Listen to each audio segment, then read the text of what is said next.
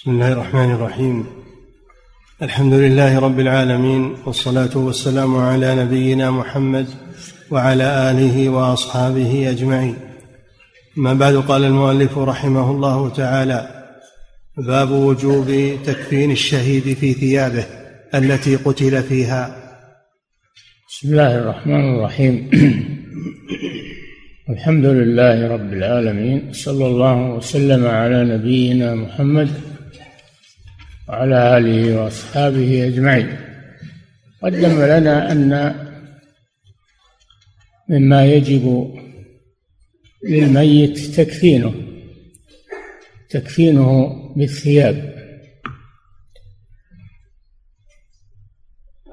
إلا آه، بالثياب يعني غير ثيابه الذي التي مات فيها. غير ثيابه التي مات فيها. بل تكون جديدة وتكون من الأبيض؟ هذا هو السنة والأفضل. إلا الشهيد فإنه يدفن بثيابه التي قتل فيها وعليها آثار الدم لتكون علامة على شهادته يوم القيامة. يأتي يوم القيامة يثعب دما لونه لون الدم وريحه ريح المسك. نعم. باب وجوب تكفين الشهيد في ثيابه التي قتل فيها. عن ابن عباس رضي الله عنهما قال أمر رسول الله صلى الله عليه وسلم يوم أحد بالشهداء أن ننزع عنهم الحديد والجلود وقال ادفنوهم بدمائهم وثيابهم. رواه أحمد وأبو داود وابن ماجه. شهداء أحد يعني وقعة أحد وهي الوقعة التي حصلت عند جبل أحد قريب المدينة بين الرسول صلى الله عليه وسلم وأصحابه وبين المشركين. الذين جاءوا لينتقموا مما أصابهم في وقعة بدر. قد رتبهم النبي صلى الله عليه وسلم رتب أصحابه وجعل طائفة من الرماة المهرة جعلهم على الجبل جبل من ورائهم. يحمون ظهور المسلمين لئلا ينقض عليهم العدو من خلفهم فدارت المعركة على هذا الترتيب. الصحابة يقاتلون من أمامهم والرماة يحمون ظهورهم. فانتصر المسلمون في أول الأمر. وشرعوا يجمعون الغنائم فظن الرماة الذين على الجبل أن المعركة قد انتهت وأنه لم يبق إلا جمع الغنائم. فقالوا ننزل نشارك إخواننا في جمع الغنائم. قال لهم أميرهم عبد الله بن جبير رضي الله عنه إن رسول الله صلى الله عليه وسلم يقول لا تنزلوا لا تتركوا الجبل لا تتركوا الجبل سواء انتصرنا أو هزمنا. ولكنهم أصروا ونزل ولم يبق إلا أميرهم وقليل معه. فالمشركون اغتنموا الفرصة انتهزوا الفرصة انقضوا على المسلمين من خلفهم أصبح المسلمون بين الكفار من الأمام ومن الخلف. دارت المعركة من جديد فحصل على المسلمين ما حصل.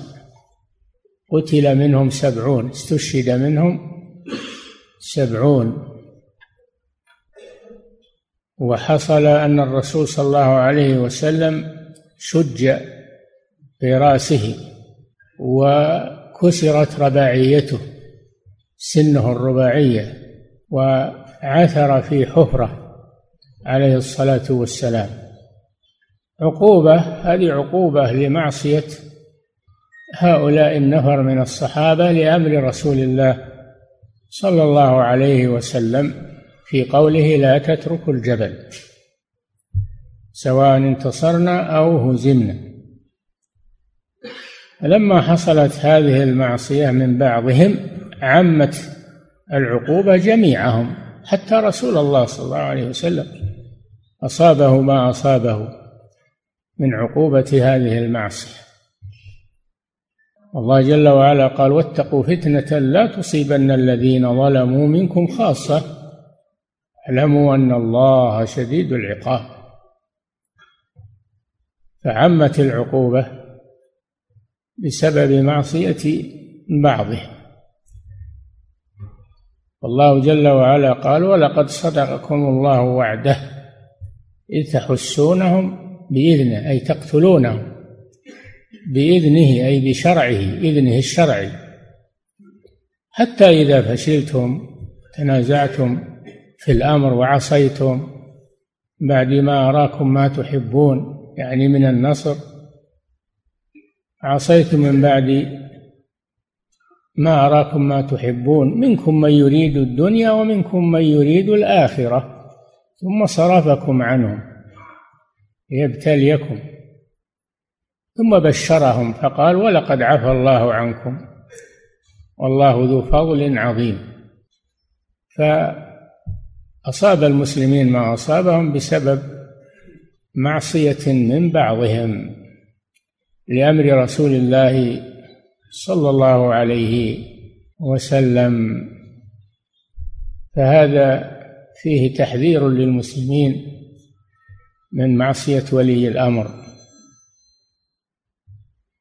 في كل شيء ليس فيه معصية. تجب طاعة ولي الأمر في كل أمر ليس فيه معصية. لا تجوز مخالفته.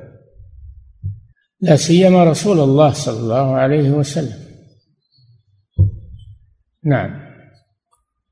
عن ابن عباس رضي الله عنهما قال أمر رسول الله صلى الله عليه وسلم يوم أحد بالشهداء أن ننزع عنهم الحديد والجلود. هذا هو الشاهد أن الرسول صلى الله عليه وسلم أمر بالشهداء شهداء أحد رضي الله عنهم أن تنزع عنهم ينزع عنهم الحديد وآلة الحرب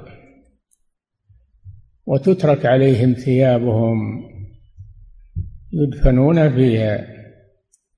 نعم. وقال ادفنوهم بدمائهم وثيابهم. نعم. رواه أحمد وأبو داود وابن ماجه. بدمائهم التي سالت على إثر الاستشهاد في سبيل الله وثيابهم التي قتلوا فيها ليبقوا على صورتهم يوم أن قتلوا ويبعثهم الله يوم القيامة على هذه الصورة المشرفة الصورة العظيمة. نعم. وعن عبد الله بن ثعلبة رضي الله عنه أن قال رسول قال عبد الله بن مسعود رضي الله عنه لما سمع قوله تعالى منكم من يريد الدنيا قال ما علمت أن أحدا من الصحابة يريد الدنيا حتى نزلت هذه الآية؟ نعم. عن عبد الله بن ثعلبة رضي الله عنه أن رسول الله صلى الله عليه وسلم قال يوم أحد زملوهم في ثيابهم وجعل يدفن في القبر الرهط يملوهم بثيابهم يعني يدفنوهم بثيابهم ولا تنزعوها عنهم. نعم. وجعل يدفن في القبر الرهط ويقول قدموا أكثرهم قرآنا رواه أحمد. لما كان الشهداء كثيرين يشق على الصحابة أن يحفروا لكل واحد قبر. فأمر صلى الله عليه وسلم أن يدفن في القبر أكثر من واحد تيسيرا على المسلمين في هذا اليوم. دل على جواز ذلك إذا كثر الموتى أو القتلى وشق أن يحفر لكل واحد قبر فإنهم يدفنون دفنا جماعيا. الاثنين والثلاثة. في قبر واحد تسهيلا على المسلمين. وأيضا يقدم إلى القبلة أفضلهم. أفضلهم أخذا لكتاب الله يقدم حفظة القرآن على غيرهم لفضلهم إلى القبلة. نعم. باب نعم عيد عن عبد الله بن ثعلبة رضي الله عنه أن رسول الله صلى الله عليه وسلم قال يوم أحد زملوهم في ثيابهم. زملوهم يعني ادفنوهم في ثيابهم غطوهم. زملوهم يعني غطوهم. زملوهم يعني غطوهم. يا أيها المزمل قم الليل إلا قليلا. المزمل هو المتغشي بثيابه النائم المتغطي. نعم. وجعل يدفن في القبر الرهط ويقول الرهط هم القوم من ثلاثة إلى تسعة. يسمون رهط ويسمون بضع. بضع من الثلاثة إلى التسعة. نعم. وجعل يدفن في القبر الرهط ويقول قدموا أكثرهم قرآنا. رواه أحمد. أكثرهم قرآنا أكثرهم حفظا للقرآن لفضله. دل هذا على شرف حفظ القرآن الكريم وشرف الحفظة. إذا كانوا يعملون ب إذا كانوا يعملون بما في القرآن ولم يقتصروا على مجرد الحفظ والتلاوة الصحابة لا شك أنهم أولى الناس بالعمل بالقرآن وأول الناس عملا بالقرآن. نعم. باب تطيب بدن الميت وكفنه إلا المحرم. تطيب بدن الميت وهو ما يسمى بالحنوط الحنوط وهو الطيب الذي يجعل على بدن الميت وفي أكفانه. فيجعل في هذا السنة أن الميت يحنط يعني يطيب. إلا آه، إلا المحرم. فإن المحرم إذا مات وهو محرم يجنب الطيب لأن إحرامه باق عليه كما يأتي. نعم. باب تطيب بدن الميت وكفنه إلا المحرم. بدن الميت يعني يطيب بدنه وكفنه بالطيب. طيب من أي أنواع الطيب الذي يصاحب الميت ويشم منه رائحة طيبة تشريفا له؟ نعم. باب تطيب بدن الميت وكفنه إلا المحرم عن جابر رضي الله عنه قال إلا المحرم فإنه لا يطيب ولا تغير ثياب الإحرام التي عليه. نعم. عن جابر رضي الله عنه قال قال رسول الله صلى الله عليه وسلم إذا أجمرتم الميت فأجمروه ثلاثا رواه أحمد. أجمرتم يعني بخرتم. الإجمار هو التطيب بالبخور. أجمروه ثلاثا. يعني على الوتر يقطعوه على وتر أفضل. نعم. إذا أجمرتم الميت فأجمروه ثلاثة رواه أحمد. وعن ابن عباس رضي الله عنهما قال بينما رجل واقف مع رسول الله صلى الله عليه وسلم بعرفة إذ وقع عن راحلته فوقصته فذكر ذلك للنبي صلى الله عليه وسلم فقال اغسلوه بماء وسدر وكفنوه في ثوبيه ولا تحنطوه ولا تخمروا رأسه فإن الله تعالى يبعثه يوم القيامة ملبيا رواه الجماعة. نعم. هذا الحديث فيه أن رجلا من أصحاب رسول الله صلى الله عليه وسلم كان واقفا على راحلته مع الرسول صلى الله عليه وسلم في عرفة يوم عرفة. فسقط عن راحلته ووقصته يعني رفسته برجلها. فمات. فالنبي صلى الله عليه وسلم أمر أن أمر أن يغسل بماء وسدر. يغسل بماء وسدر.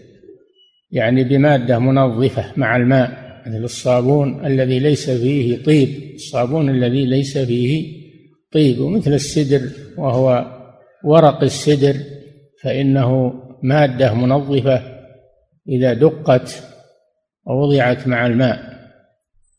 ونحو ذلك من أنواع المنظفات التي ليس فيها طيب بماء وسدر. وكفنوه في ثوبيه يعني ثوبي الإحرام الإزار والرداء ولا تحنطوه يعني لا تطيبوه. فدل على أن الميت غير المحرم أنه يحنط بالطيب في بدنه وفي ملابس أكفانه ولا تحنطوه. ولا تخمروا راسه لا تغطوا راسه اتركوا راسه مكشوفا في القبر. أما غير المحرم فيغطى كله بما في ذلك راسه في الكفن. أما المحرم فيبقى مكشوف الرأس.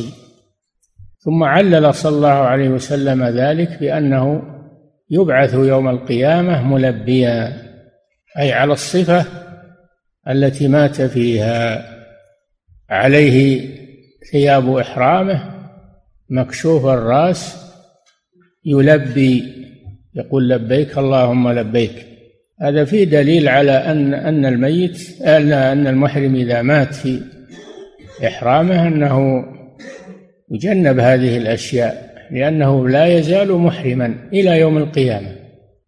إلى يوم القيامة وهو محرم ويبعث يوم القيامة محرما. بيانا لشرف هذا المظهر العظيم يلاقي ربه به إنه يبعث يوم القيامة ملبيا. وفيه دليل على أنها لا تقضى ولا يناب عنه في بقية أعمال الحج. لا يناب عنه في بقية أعمال الحج. بل هو باق فيها هو باق فيها لا لا يحتاج إلى نيابة. نعم. وللنساء عن ابن عباس رضي الله عنهما قال قال رسول الله صلى الله عليه وسلم اغسلوا المحرم في ثوبيه اللذين أحرم فيهما. يعني لا تغير ثيابه تترك عليه ملابس الإحرام إزار ورداء نعم. واغسلوه بماء وسدر. ماء وسدر. السدر معروف هو الشجر المعروف. ورقه منظف. إذا دق و اغتسل به فإنه ينظف الجسم وينظف اليدين. نعم. وكفنوه في ثوبيه. ثوبي الإحرام الإزار والرداء. نعم. ولا تمسوه بطيب. ولا نعم. لا العادة أن الميت يطيب ويسمى الحنوط المحرم لا لا يطيب لأنه محرم والمحرم يتجنب الطيب. نعم. ولا تخمروا رأسه فإنه تخمير التغطية يعني لا تغطوا رأسه. نعم. فإنه يبعث يوم القيامة محرما. على إحرامه. والمحرم لا يتجنب المحظورات محظورات الإحرام ومنها تغطية رأس الذكر ومنها الطيب. ومنها تغيير ملابسه يترك في ثياب الإحرام. نعم. أبواب الصلاة على الميت. من أحكام الجنازة ومن حقوقها أنه يصلى عليها صلى على جنازة المسلم ويدعى لها. وهذا يدل على فضل هذا الدين وأنه يعتني بالمسلمين أحياء وأمواتا. نعم. أبواب الصلاة على الميت. باب من يصلى عليه ومن لا يصلى عليه. الأموات منهم من يصلى عليه وسائر الأموات ومن لا يصلى عليه مثل الشهيد كما يأتي. ومثل من عليه جريمة من عليه جريمة مثل الغال في سبيل الله مثل آه، فهذا لا لا يصلي عليه الإمام وأهل الفضل لكن يصلى عليه من سائر الناس كما يأتي. لا يترك بدون صلاة. لكن لا يصلي عليه أهل الفضل لأجل الردع لأجل ردع أمثاله. نعم. باب من يصلى عليه ومن لا يصلى عليه. أولا الصلاة على الأنبياء عليهم الصلاة والسلام. عن ابن عباس الصلاة على الأنبياء عليهم الصلاة والسلام. أول وأولى من يصلى عليهم الأنبياء عليهم الصلاة والسلام إذا ماتوا. نعم. عن ابن عباس رضي الله عنهما قال دخل الناس على رسول الله صلى الله عليه وسلم أرسالا يصلون عليه حتى إذا فرغوا أدخلوا النساء حتى إذا فرغوا أدخلوا الصبيان. ولم يؤم الناس على رسول الله صلى الله عليه وسلم أحد. رواه ابن ماجه. نعم لما توفي الرسول صلى الله عليه وسلم غسل وكفن صار الناس يدخلون عليه أرسالا يعني جماعات جماعات ويصلون عليه فرادى ما يصلون جماعة ولا يؤمهم أحد بل يصلون عليه أفرادا. هذا من خصائصه صلى الله عليه وسلم. يقدم النساء الرجال أولا يدخلون عليه ويصلون فإذا فرغ فرغ من الرجال تدخل النساء أرسالا ويصلين عليه. فإذا فرغ النساء يدخل الأطفال ويصلون عليه أرسالا. هذا على الرسول صلى الله عليه وسلم. أما غيره من المسلمين يصلون عليه جماعة بإمام ويكونون صفوفا خلف الإمام. نعم. عن ابن عباس رضي الله عنهما قال دخل الناس على رسول الله صلى الله عليه وسلم أرسالا يصلون عليه حتى إذا فرغوا أدخلوا النساء حتى إذا فرغوا أدخلوا الصبيان ولم يؤم الناس على رسول الله صلى الله عليه وسلم أحد. رواه ابن ماجه. وتمسك نعم. ولم يؤم الناس على الرسول أحد كسائر الأموات. هذا من خصائصه صلى الله عليه وسلم وفيه ترتيب الناس الرجال أولا ثم النساء ثم الأطفال. النساء تقدم على الأطفال. نعم. رواه ابن ماجه. وتمسك به من قدم النساء على الصبيان. تمسك بهذا الحديث من يرى تقديم النساء في صلاة الجنازة على الصبيان وهم الصغار الذين لم يبلغوا. نعم. وتمسك به من قدم النساء على الصبيان في الصلاة على جنائزهم وحال دفنهم في القبر الواحد. وحال قبرهم في ودفنهم في القبر الواحد. إذا دفن رجال ونساء وأطفال في قبر واحد قدم الرجال إلى القبلة ثم خلفهم النساء ثم خلفهم الأطفال في اللحد في القبر. نعم. ثانيا ترك الصلاة على الشهيد. عن نعم ترك الصلاة على الشهيد في سبيل الله. الشهيد في سبيل الله الذي قتل في المعركة مع الكفار. لإعلاء كلمة الله عز وجل. هذا هو الشهيد. هذا لا يصلى عليه. لأن الرسول صلى الله عليه وسلم لم يصلي على شهداء أحد. نعم. عن أنس رضي الله عنه أن شهداء أحد لم يغسلوا ودفنوا ودفنوا بدمائهم. نعم لتبقى أثر الشهادة عليهم. لم يغسلوا ويزال عنهم الدم لتبقى آثار الشهادة عليهم. نعم. أن شهداء أحد لم يغسلوا ودفنوا بدمائهم ولم يصلى عليهم. ولم يصلى عليهم. هذا فالشهيد في المعركة لا يصلى عليه. أما الشهيد الذي جرح في المعركة ونقل منها حيا ومات خارج المعركة فإنه يصلى يغسل ويصلى عليه. له حكم الجنائز. نعم. ولم يصلى عليهم رواه أحمد وأبو داود والترمذي. وقد الشهداء على قسمين شهداء في الدنيا والآخرة وهم الذين قتلوا في سبيل الله في المعركة. شهيد في الدنيا والآخرة. إذا كان يقاتل لإعلاء كلمة الله. والثاني والنوع الثاني شهداء في الآخرة. وليسوا شهداء في الدنيا فيغسلون ويكفنون ويصلى عليهم مثل المبطون الذي مات في بطن إسهال. مثل المرأة إذا ماتت في الوضع وهي يعني في وضع الحمل ماتت في وضع الحمل هذه من الشهداء. مثل من مات بحادث مفاجئ كالحرق والغرق والهدم ونحو ذلك. هؤلاء يغسلون ويكفنون ويصلى عليهم وهم شهداء عند الله في الآخرة.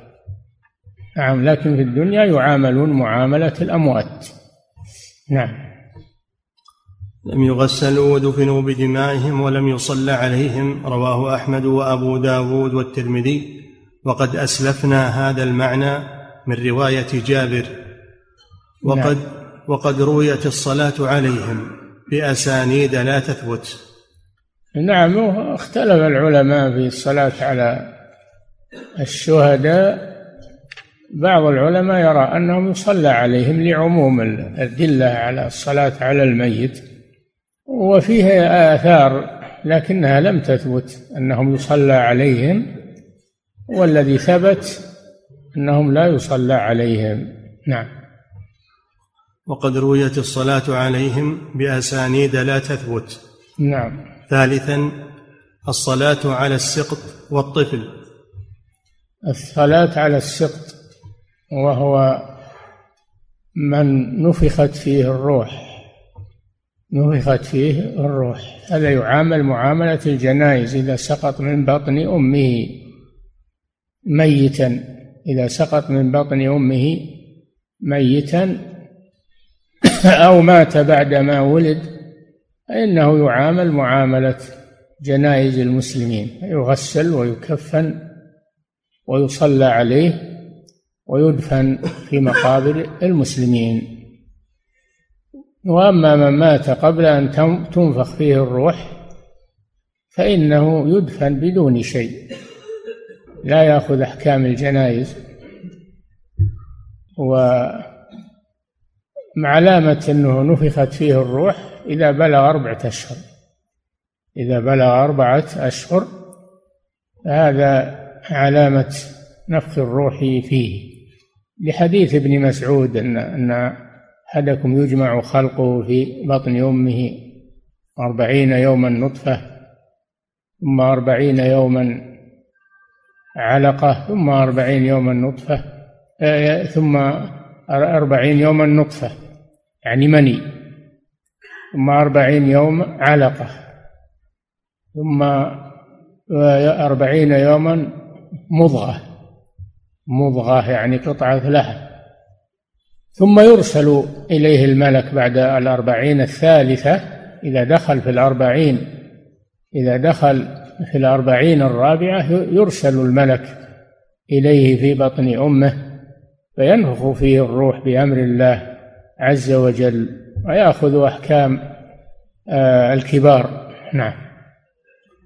الصلاة على السقط والطفل عن المغيرة. ابن شعبة رضي الله عنه عن النبي صلى الله عليه وسلم قال الراكب خلف الجنازة والماشي أمامها قريبا منها عن يمينها أو عن يسارها والسقط يصلى عليه ويدعى لوالديه بالمغفرة والرحمة رواه أحمد وأبو داود وقال فيه والماشي يمشي خلفها وأمامها وعن يمينها وعن يسارها قريبا منها.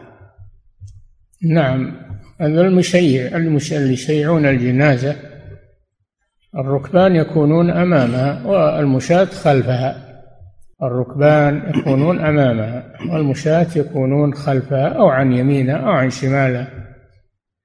هذا في التشييع والسقط يصلى على هذا محل الشاهد من الحديث. والسقط وهو الذي نزل من بطن أمه لأربعة أشهر فأكثر. نعم والسقط والسقط يصلى عليه ويدعى لوالديه بالمغفرة والرحمة. الصلاة تشتمل على الدعاء للميت وإذا كان الميت لم يكلف إذا كان سقطا يعني لم يكلف يدعى لوالديه فيقال اللهم اغفر لوالديه اللهم اغفر لوالديه واجعله ذخرا واجرا وشفيعا مجابا. اللهم ثقل به موازينهما وأعظم به أجورهما. نعم. أن النبي صلى الله عليه وسلم قال الراكب خلف الجنازة والماشي أمامها قريبا منها عن يمينها. الراكب. الراكب خلف الجنازة. يعني بالعكس ما قلنا الراكب يكون خلف الجنازة. يعني هذا من باب السنة يكون خلف الجنازة والماشي أمامها.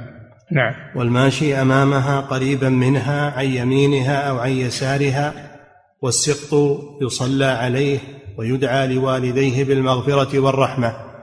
رواه أحمد وأبو داود وقال فيه والماشي يمشي خلفها وأمامها. نعم. وعن يمينها وعن يسارها قريبا منها. وفي رواية الراكب خلف الجنازة والماشي حيث شاء منها والطفل يصلى عليه. رواه أحمد والنسائي والترمذي وصححه. قلت وإنما يصلى عليه. قلت هذا المصنف المجد رحمه الله. نعم. قلت وإنما يصلى عليه إذا نفخت فيه الروح. وهو أن يستكمل أربعة أشهر. نعم. فأما أن يستكمل أربعة أشهر هذا هو السبت.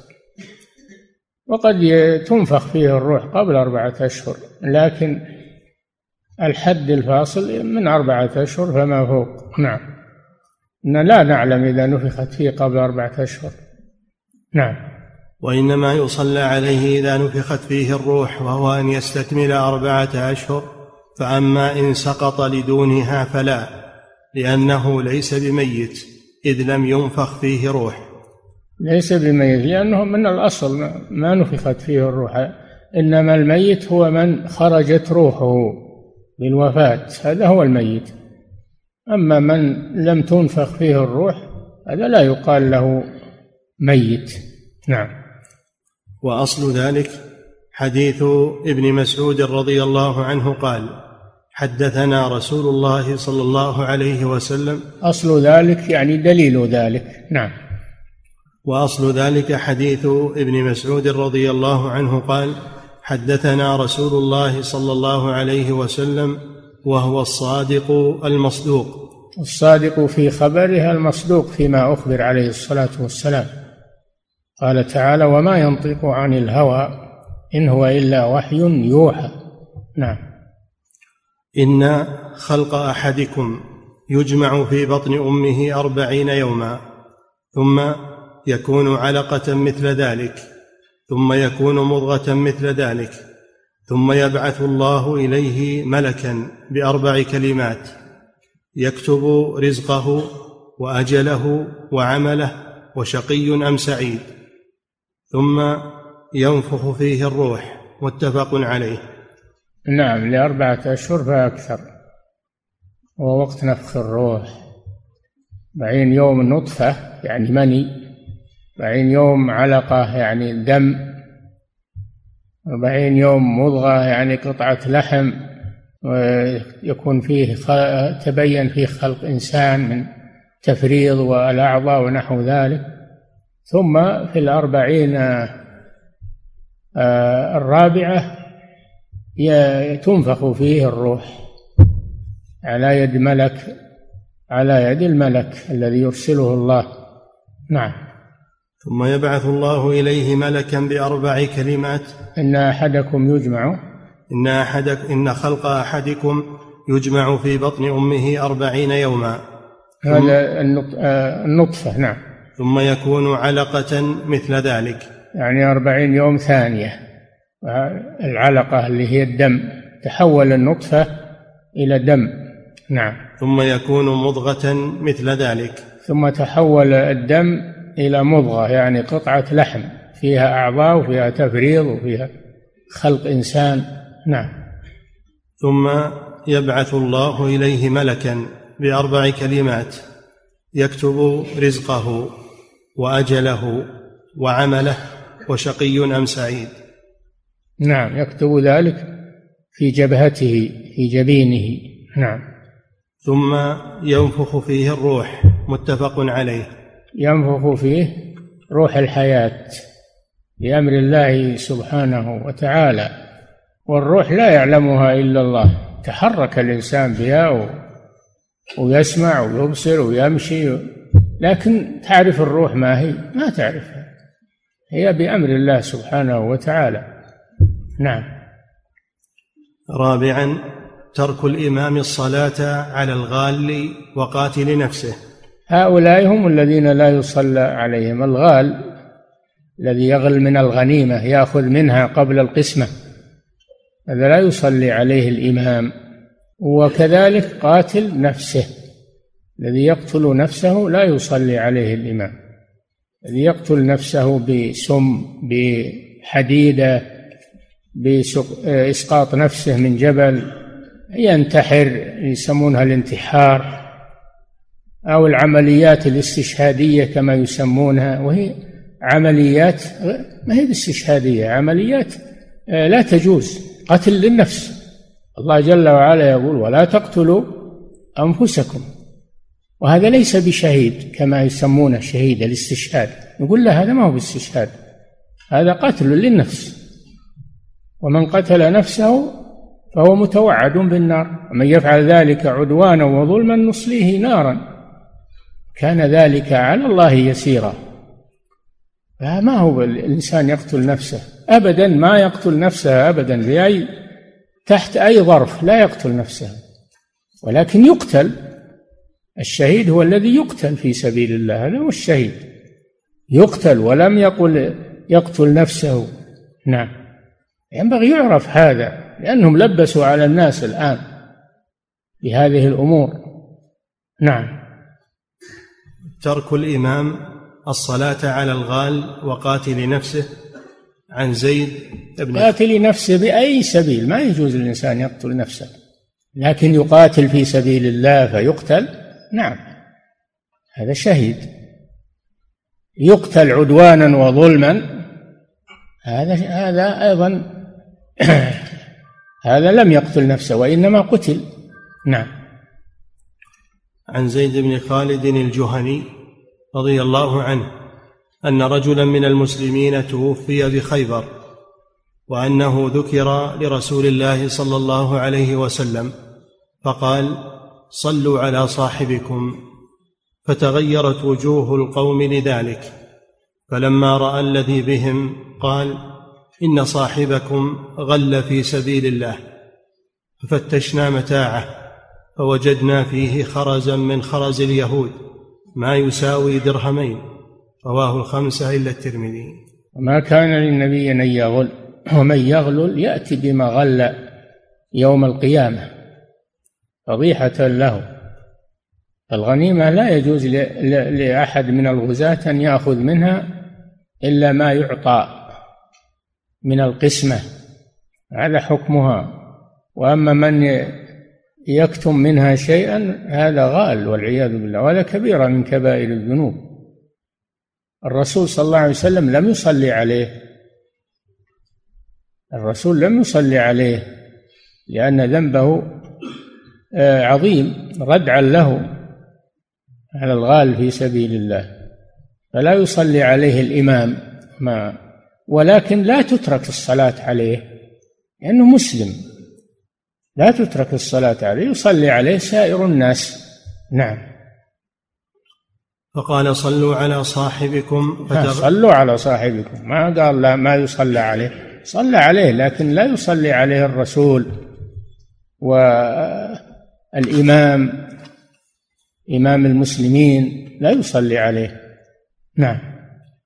فقال صلوا على صاحبكم فتغيرت وجوه القوم لذلك. لأنهم يريدون له الخير. لماذا لم يصلي عليه الرسول؟ تعجبوا. تعجبوا. فتبين أنه غال في سبيل الله. نعم. فتغيرت وجوه القوم لذلك فلما رأى الذي بهم قال إن صاحبكم غل في سبيل الله. يعني الله أخبره أخبره الله أخبر رسوله بذلك. وإلا هذا أمر خفي لكن الوحي فضح هذا الرجل. نعم. ففتشنا متاعه فوجدنا فيه خرزا من خرز اليهود ما يساوي درهمين. يعني فالغلول وإن كان قليلا ما يساوي درهمين. ومع هذا حرمه من صلاة الرسول صلى الله عليه وسلم. نعم. وعن جابر بن سمرة رضي الله عنه أن رجلا قتل نفسه بمشاقص فلم يصل عليه النبي صلى الله عليه وسلم رواه الجماعة إلا البخاري. قتل نفسه بمشاقص نوع من السلاح. جزع والعياذ بالله فقتل نفسه. هذا دليل على أن الإنسان لا يقتل نفسه بأي حال. يصبر إذا مرض يصبر إذا أصابته شدة إذا جرح يصبر ولا يقتل نفسه تحت أي ظرف. فإن قتل نفسه فهو متوعد بالنار. نعم. اللي يفجرون يقتلون أنفسهم في هذا التفجير من هذا النوع. قتلوا أنفسهم والعياذ بالله. نعم. عن جابر بن سمرة رضي الله عنه أن رجل أن رجلا قتل نفسه بمشاقص فلم يصل عليه النبي صلى الله عليه وسلم. رواه الجماعة إلا البخاري. نعم. خامسا الصلاة على من قتل في حد.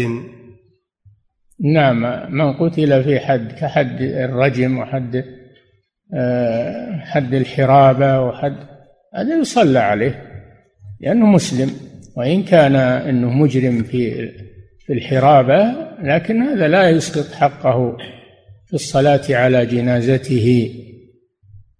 نعم. الصلاة على من قتل في حد عن جابر رضي الله عنه أن رجلا من أسلم جاء إلى النبي صلى الله عليه وسلم قتل في حد قتل في قصاص هذا يصلى عليه. قتل في حرابة. نعم. وعن جابر رضي الله عنه أن رجلا من أسلم جاء إلى النبي صلى الله عليه وسلم فاعترف بالزنا فأعرض عنه حتى شهد على نفسه أربع مرات. فقال أبك جنون؟ قال لا. قال أحصنت؟ قال نعم. أحسنت قال أحصنت؟ قال نعم. فأمر به فرجم بالمصلى. نعم. فلما أدلقته الحجارة فر فأدرك فرجم حتى مات. فقال نعم. له النبي صلى الله عليه وسلم خيرا وصلى عليه. رواه البخاري في صحيحه.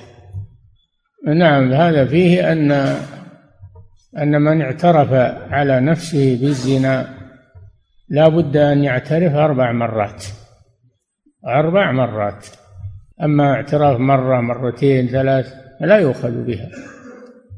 هذا الرجل اعترف على نفسه وطلب من النبي صلى الله عليه وسلم أن يقيم عليه الحد ليطهره. فالرسول يعرض عنه ويقول ما إخالك زنيت؟ ما؟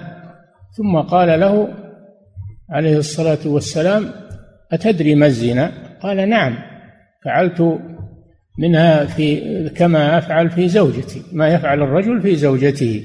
قال غاب ذاك منك في, في ذاك منها؟ قال نعم. يعني الرسول يريد يفتح له باب الرجوع لكنه لم يرجع أصر. ضاقت به الدنيا فأصر لأجل أن يطهره صلى الله عليه وسلم. فرجم أمر برجمه لما أقر على نفسه أربع مرات ولم يتراجع حتى لو أقر أربع مرات وتراجع يترك لأنه لما فر قال الرسول لو تركوه لعله يرجع لكنهم أجهزوا عليه ورجموه فمات صلى عليه الرسول صلى الله عليه وسلم وهذا محل الشاهد. فالزنا لا يثبت إلا بأربعة شهود أربعة شهود يشهدون على أنهم رأوه عيانا بأبصارهم يزني أو يقر على نفسه أربع مرات. فإنه حينئذ تقرر عليه الرجم. فيرجم بالحجارة حتى يموت. حتى يموت. ولكن هذا لا يمنع من الصلاة عليه لأنه مسلم. صلى عليه ويدعى له. سواء ثبت عليه الحد الرجم بإقراره أو بالبينة. نعم. فأعرض عنه حتى شهد على نفسه أربع مرات فقال أبك جنون؟ قال لا. قال أحصنت؟ قال نعم. فأمر به فرجم بالمصلى.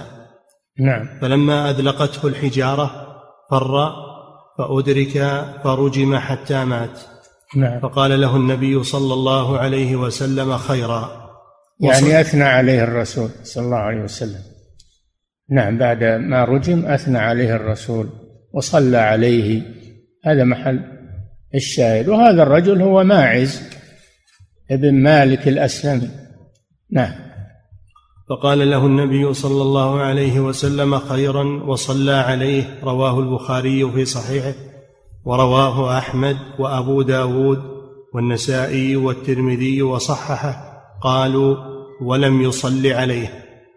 ورواية الإثبات أولى رواية الإثبات الذين أثبتوا أنه صلى عليه أولى بالأخذ لأن المثبت مقدم على النافي. هذه قاعدة أن المثبت مقدم على النافي لأن المثبت عنده زيادة علم خفيت على النافي.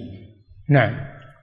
ورواية الإثبات أولى وقد صح عنه صلى الله عليه وسلم أنه صلى على الغامدية. نعم.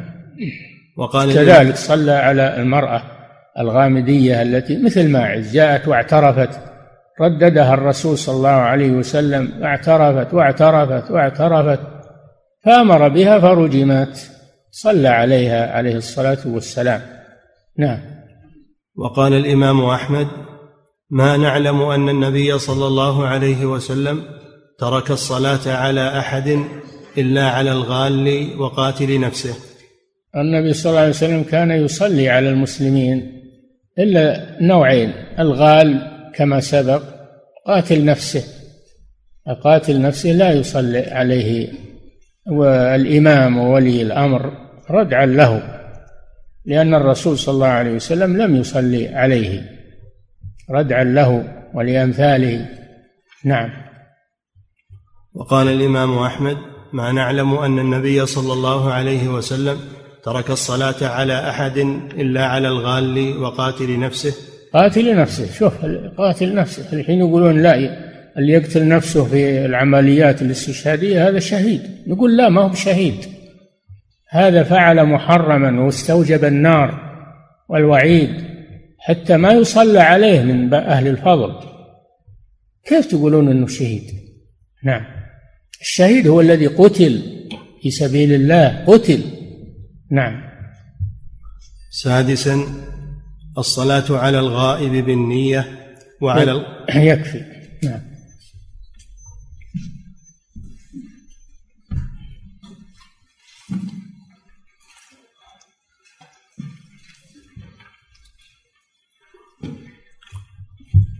فضيلة الشيخ وفقكم الله يقول هل يعزى في السقط الذي مات قبل أن تنفخ فيه الروح؟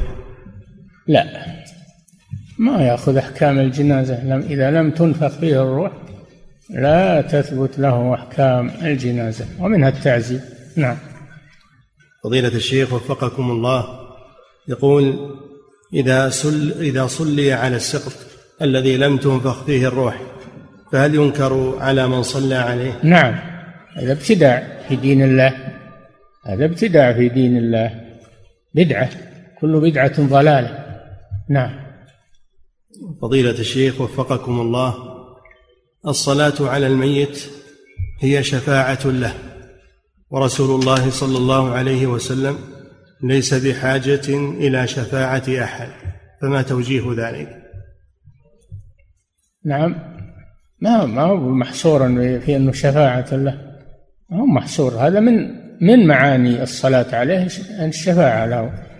وإلا هي مفروضة على كل مسلم. مفروضة على كل مسلم. حق له. نعم. فضيلة الشيخ وفقكم الله. يقول هل تجوز الصلاة على الميت قبل غسله؟ لا. من شروط صحة الصلاة على الميت أن يكون ذلك بعد تغسيله. إن صلى عليه قبل التغسيل لم تصح الصلاة عليه لا بد من إعادتها. نعم. فضيلة الشيخ وفقكم الله هل ثبت أن النبي صلى الله عليه وسلم صلى على عمه حمزة رضي الله عنه وكان يصلي على كل من مات ثم يكرر الصلاة على حمزة معه؟ ما صلى على ما ثبت أنه صلى على حمزة لكن زاره ودعا له. نعم أما الصلاة عليه ما ثبت أنه صلى عليه. نعم. فضيلة الشيخ وفقكم الله يقول ما ورد من أنه صلى الله عليه وسلم كان يخرج إلى شهداء أحد فيصلي عليهم. صلي عليهم يعني يدعو لهم يا أخي. الدعاء يسمى صلاة. خذ من أموالهم صدقة تطهرهم وتزكيهم وصل عليهم يعني ادعو لهم. نعم. فضيلة الشيخ وفقكم الله هل يؤخذ من حديث فإنه يبعث يوم القيامة ملبيا وحديث أن الشهيد يوم القيامة إذا بعث فإن جرحه يكون لونه لون الدم وريحه ريح المسك؟ يقول هل يؤخذ من هذا أن كل من مات على هيئة حسنة أو قبيحة أنه يبعث عليها. هذا من من علم الغيب الذي لا يعلمه إلا الله. أو أو الرسول بتعليم الله له. فنحن لا نحكم لأحد إلا بدليل. إلا بدليل. ثبت الدليل في حق المحرم الذي مات في إحرامه وفي حق الذي الذي قتل في سبيل الله. نعم. فضيلة الشيخ وفقكم الله السقط إذا مات وقد نفخت فيه الروح فهل تكون الصلاة عليه واجبة أو مستحبة؟ لا واجبة. واجبة لأنه صار إنسانا صار إنسانا مسلما يحكم بإسلامه. نعم. يأخذ أحكام جنازة المسلم. نعم.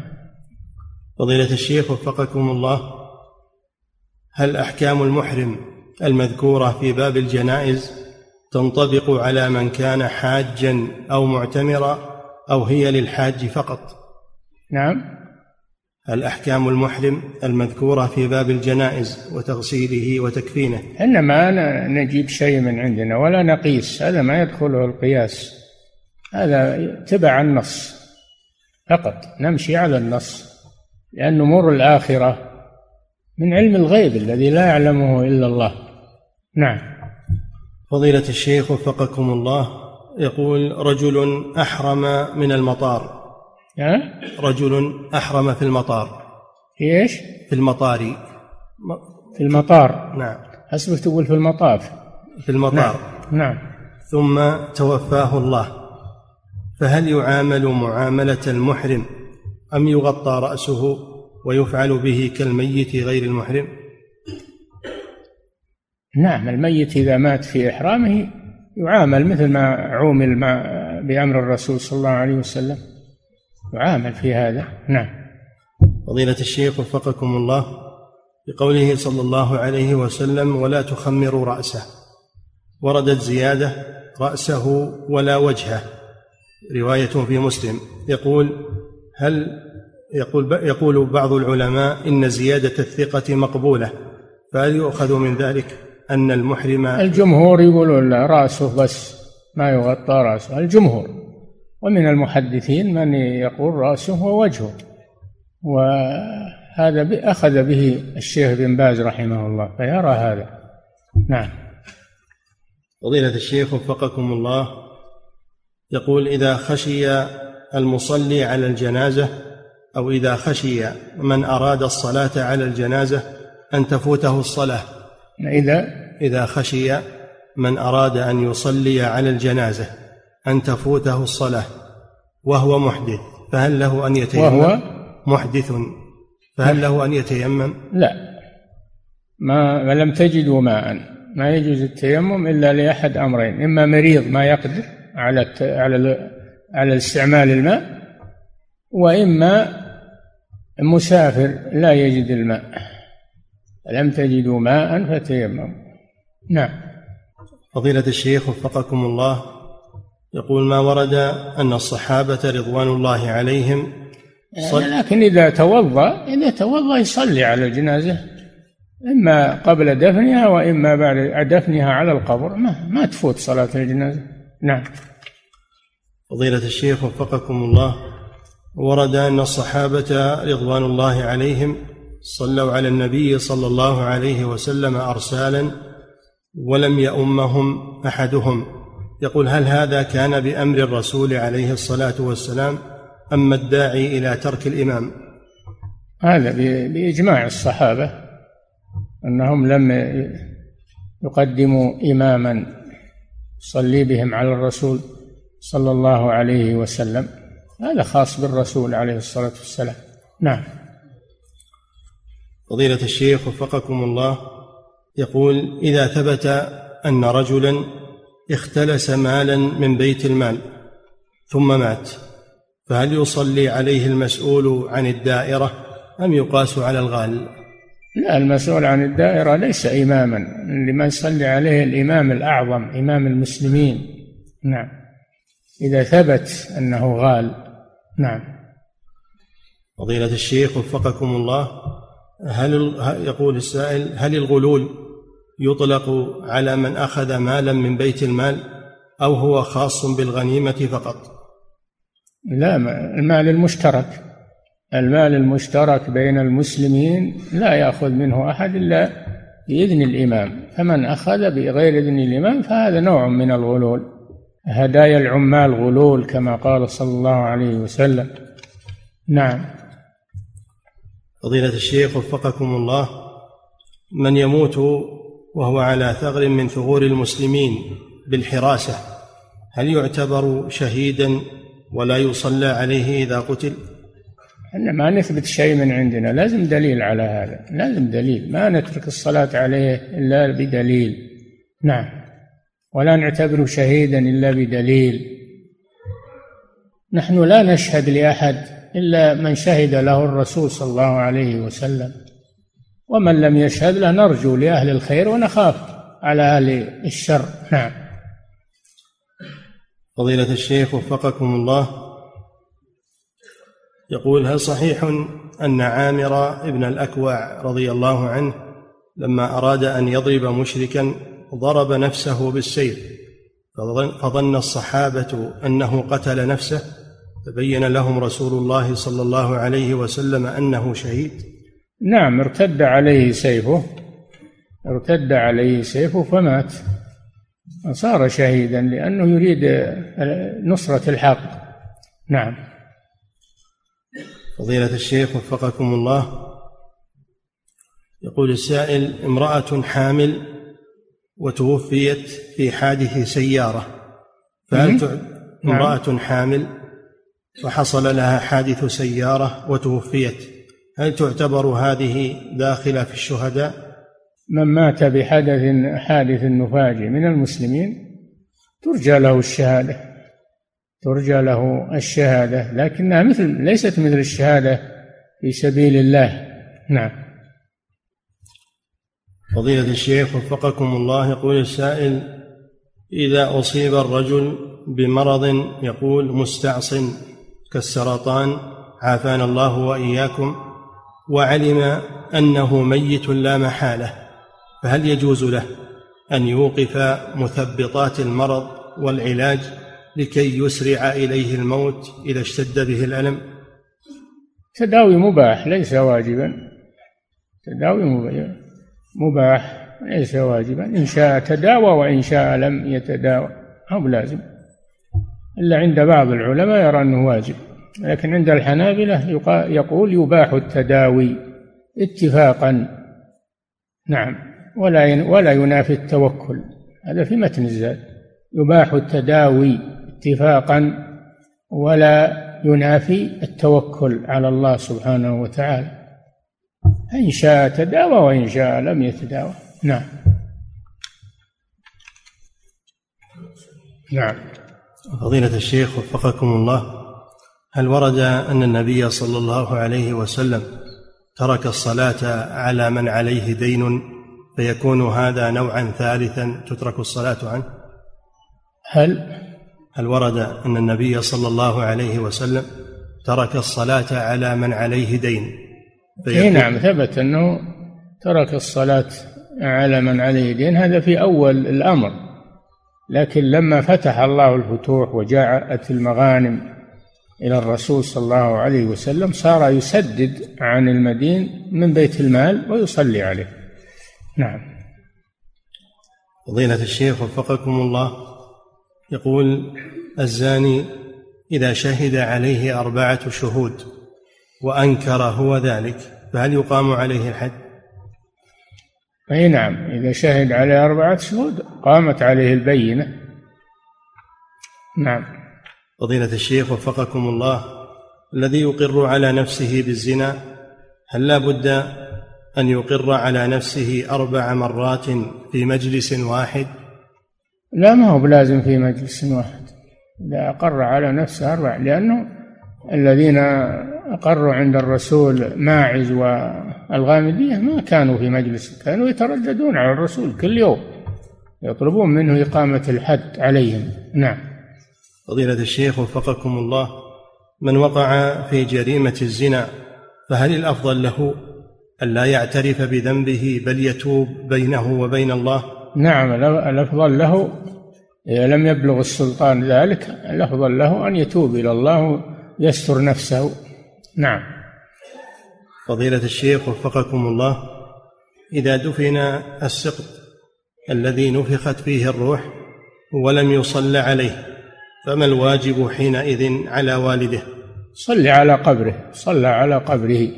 إذا فاتت الصلاة على الميت قبل دفنه يصلى على قبره. نعم. فضيلة الشيخ وفقكم الله هذا يقول إنه إمام مسجد ويسأل يقول هل لي أن أصلي على الجنازة قبل صلاة الإمام؟ لأنني لا أستطيع الصلاة عليها في المسجد معهم بل أذهب إلى مسجدي قبل لا لا ما تعتدي على الإمام. الإمام أولى بالصلاة على الجنائز التي في مسجده فلا تعتدي عليه. صل معهم إذا صلى ولا إذا منه ما تيسر لك الحمد لله. تذهب المسجد الصلاة في مسجدك واجبة عليك أما الصلاة على الجنازة ليست واجبة عليك. نعم الأمر واسع في هذا. ولا هي بنهابه المسألة ما يفعلون الآن ينهبون الصلاة على الجنائز يروحون. لا هذا ما يصلح. نعم. فضيلة الشيخ وفقكم الله يقول هل يجوز الدعاء للميت جماعة بعد دفنه ويكون الدعاء في المقبرة؟ هل هل يجوز الدعاء للميت بعد دفنه؟ الدعاء جماعة في المقبرة؟ جماعة لا لكن يقفون على قبره بعد الفراغ من دفنه ويستغفرون له ويسألون الله له التثبيت. وقت سؤال الملكين هذا ورد عن الرسول صلى الله عليه وسلم أمر به صلى الله عليه وسلم قال استغفروا لأخيكم اسألوا له التثبيت. فإنه الآن يسأل. نعم. فضيلة الشيخ وفقكم الله يقول هل من البر أن يزور الرجل قبر أبيه؟ إي نعم من البر الدعاء لأبيه بعد موته أو ولد صالح يدعو له زيارة قبره السلام عليه هذا من البر. نعم. فضيلة الشيخ وفقكم الله هذا السائل يقول في قريتنا يتم جمع عظام الموتى بمكان اسمه العظامة وذلك من أجل إفساح المكان للموتى الجدد فهل هذا الفعل جائز؟ هذا في البلاد الأمصار الكبيرة التي ليس فيها فضاء مقابر جبانة يضطرون لهذا يضطرون إلى أنهم يجمعون الأموات في غرفة ثم يأخذون عظامهم ويضعون في مكانه آخر وآخر وهكذا. فإذا امتلأت الغرفة بالعظام يشيلونه ويدفنونه برا في مكان آخر. للحاجة. نعم. فضيلة الشيخ وفقكم الله. ويقول أيضا في قريتنا بعد الدفن فإن أهل الميت يصطفون صفا واحدا لاستقبال العزاء في المقبرة. فهل هذا الفعل جائز؟ هذا لا أصل له. هذا لا أصل له ربما يتطور ويزيد يصبح من البدع في المقابر. هذا التعزية ما هي بلازم في المقبرة. تعزية في أي مكان ولو تتصل به بالجوال أو بالتلفون وتعزيه ما يخالف. أمرها سهل. نعم. فضيلة الشيخ وفقكم الله. يقول مر معنا في الحديث أن أن النبي صلى الله عليه وسلم أقام حد الرجم في المصلى. فهل يجوز إقامة الحدود في المساجد؟ ما هو في المسجد في المصلى مصلى العيد يعني كان صحراء كان صحراء نعم. فضيلة الشيخ وفقكم الله الأحاديث التي ذكر فيها أن رسول الله صلى الله عليه وسلم صلى على من أقيم عليه الحد. هل فيها رد على الخوارج والمعتزلة؟ إي نعم اللي يكفرون الكبائر هذا رد صريح عليهم لأن الزنا كبيرة ومع هذا صلى النبي صلى الله عليه وسلم على المرجوم. هذا رد على الخوارج يقولون إنه كافر.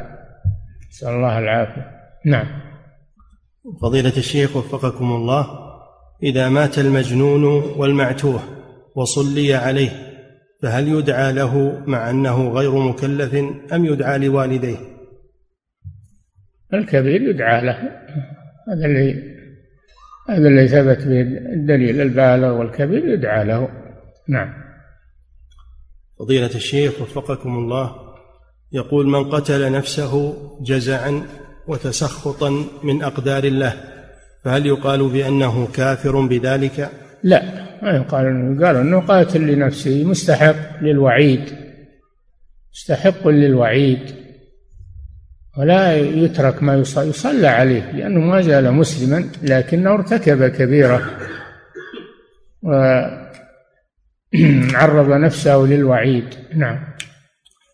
فضيلة الشيخ وفقكم الله يقول السائل في صلاة الجنازة بعض المصلين لا يصلون الصفوف فتجد الاثنين والثلاثة بعيدين عن الصف فهل الاصطفاف والاجتماع يجب في صلاة الجنازة كغيرها؟ نعم الاصطفاف يكون في صلاة يجب في صلاة الجنازة ولكن كل ما كثرت الصفوف فهو أفضل. صفين ثلاثة أربعة لو ما تمت الصفوف لا ما في بأس. تعدد الصفوف لو ما تمت. نعم. فضيلة الشيخ وفقكم الله يقول السائل دخلت المسجد بعد صلاة العصر وجلست ثم تذكرت بعد ذلك أنني لم أصلي تحية المسجد فقمت وصليت. فهل فعلي هذا صواب؟ إذا نسيتها إذا نسيتها فلا فلا بأس تقوم وتؤديها نعم. فضيلة الشيخ وفقكم الله هل ورد أن للإمام أجر من صلى خلفه من المأمومين؟ إي نعم. إذا أحسن الصلاة بمن خلفه فله أجره وأجر من صلى خلفه. نعم. فضيلة الشيخ وفقكم الله يقول ما حكم الدخول إلى دورات المياه؟ أكرمكم الله. ومع الشخص البطاقة الشخصية. التي فيها اسم الله وأيضا الأوراق النقدية. تخلي الأوراق النقدية برا هذا زين. ياخذنا المحتاج. ما يخالف هذا لا بأس بالأمور الضرورية واللي تخاف عليها. ادخل بها ما يخالف. لكن تخفيها تجعلها في جيبك تجعلها. نعم النبي صلى الله عليه وسلم كان يدير خاتمه. إذا أراد أن يدخل آه، الخلايا يدير خاتمه. إلى باطن كفه. لأن يعني عليه محمد رسول الله. نعم. فضيلة الشيخ وفق فضيلة الشيخ وفقكم الله.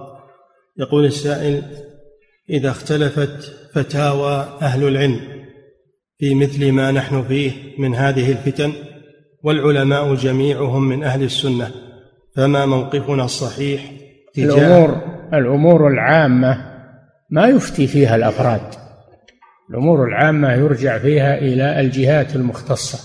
دار الإفتاء في أمور الفتوى القضاء في أمور القضاء.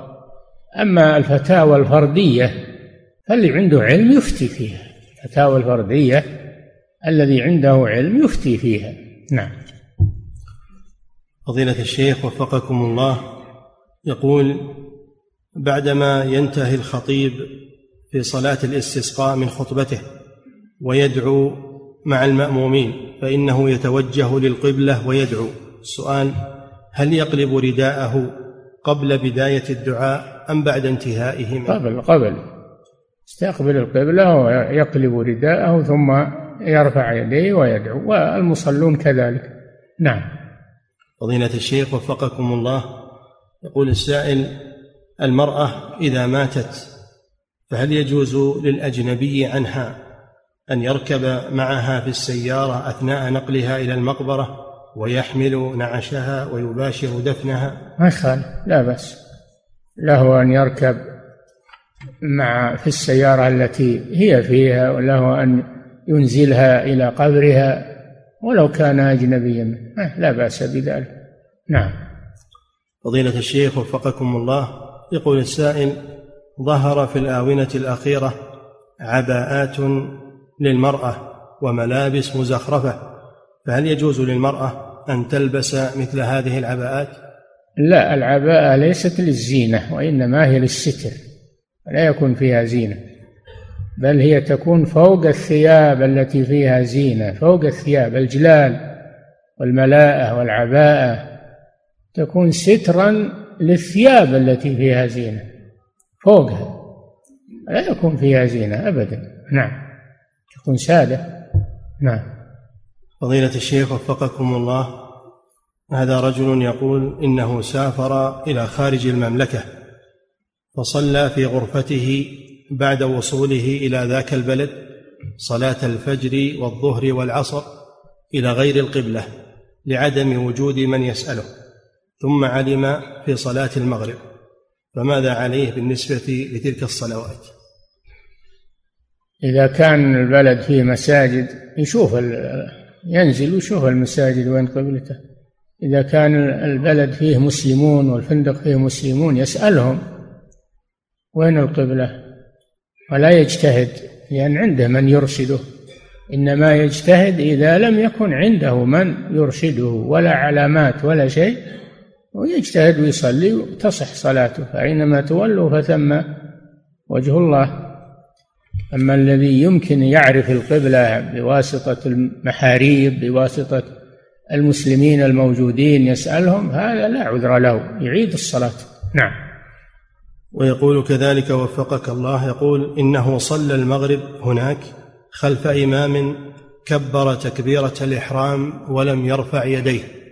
وسلم تسليمة واحدة عن يمينه فهل الصلاة صحيحة خلفه؟ نعم الصلاة صحيحة صلي خلفه لا بأس ولا تترك الجماعة لأن رفع اليدين ما هو بواجب هذا سنة. تسليمها الثانية أيضا عند بعض العلماء سنة. المسألة يعني أمرها سهل ولله الحمد لكن ولا يترك الصلاة الجماعة. نعم. فضيلة الشيخ وفقكم الله. لو كان الإمام يخالف في بعض المسائل اللي هي محل نظر ومحل ما, ما يخالف صل ورا. لو إنك ترى أن الراجح غير ما ذهب إليه ما يخالف. نعم.